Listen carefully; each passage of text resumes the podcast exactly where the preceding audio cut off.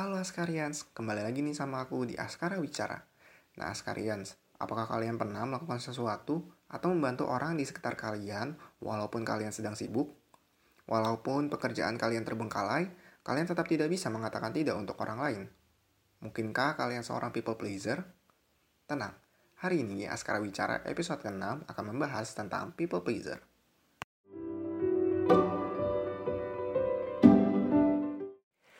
People pleaser adalah sifat yang sering dikaitkan dengan salah satu trait personality yaitu sosiotropi.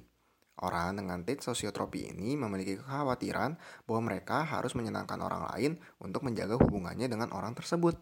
Sementara orang dengan sifat people pleaser biasanya akan mengedepankan kebutuhan orang lain dibanding kebutuhannya sendiri. Tahukah kalian, orang dengan sifat people pleaser sering dikatakan memiliki sifat yang ramah, senang membantu, dan baik hati. Namun, di balik itu semua, mungkin saja mereka memiliki kesulitan untuk menyampaikan hal yang dimaksud bagi dirinya sendiri, yang mungkin akan menjadi pattern yang buruk yaitu self-sacrifice atau self-neglect. Apa sih alasan atau penyebab seseorang bisa menjadi people pleaser? Mereka memiliki ketakutan untuk ditolak dalam sebuah lingkungan, sehingga mereka rela melakukan sesuatu dan membantu orang dalam lingkungan tersebut agar bisa merasa diterima.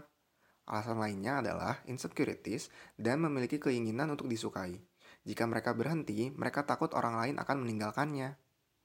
People pleaser biasanya memiliki self-esteem yang rendah, suka mendahulukan orang lain dibanding dirinya, sulit untuk mengatakan tidak, dan memiliki self-awareness yang rendah. Mereka juga sering meminta maaf dan mengalah walaupun mereka tidak melakukan sebuah kesalahan. People pleaser juga sering membuat alasan untuk orang lain agar orang tersebut tidak disalahkan.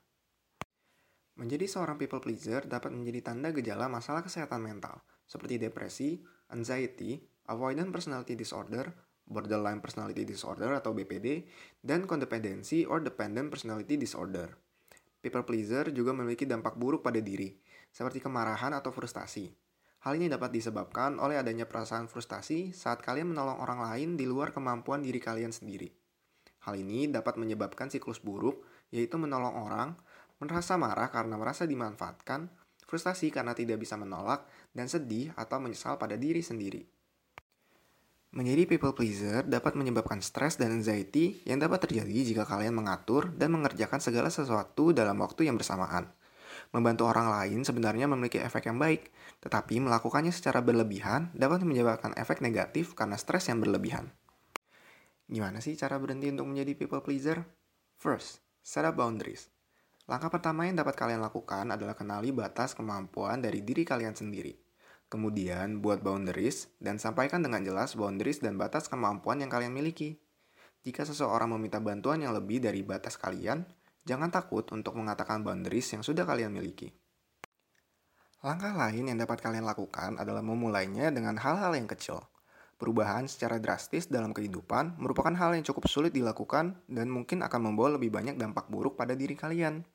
Kalian bisa memulainya dengan mengatakan tidak melalui chat saat kalian dimintai tolong. Ke depannya, kalian bisa mulai mengatakan tidak secara langsung kepada orang yang meminta tolong. Cara selanjutnya adalah dengan memikirkan kebutuhan diri kalian dan mendahulukan diri kalian sebelum orang lain. Nah, gimana nih kalian? Apakah kalian sudah bisa mengenali people pleaser? Bagaimanapun, diri kalian adalah hal yang harus didahulukan dan yang paling penting kalian harus bisa menjaga kesehatan fisik dan mental kalian terlebih dahulu dibandingkan dengan orang lain. Sampai jumpa di Askara Bicara selanjutnya. Dadah!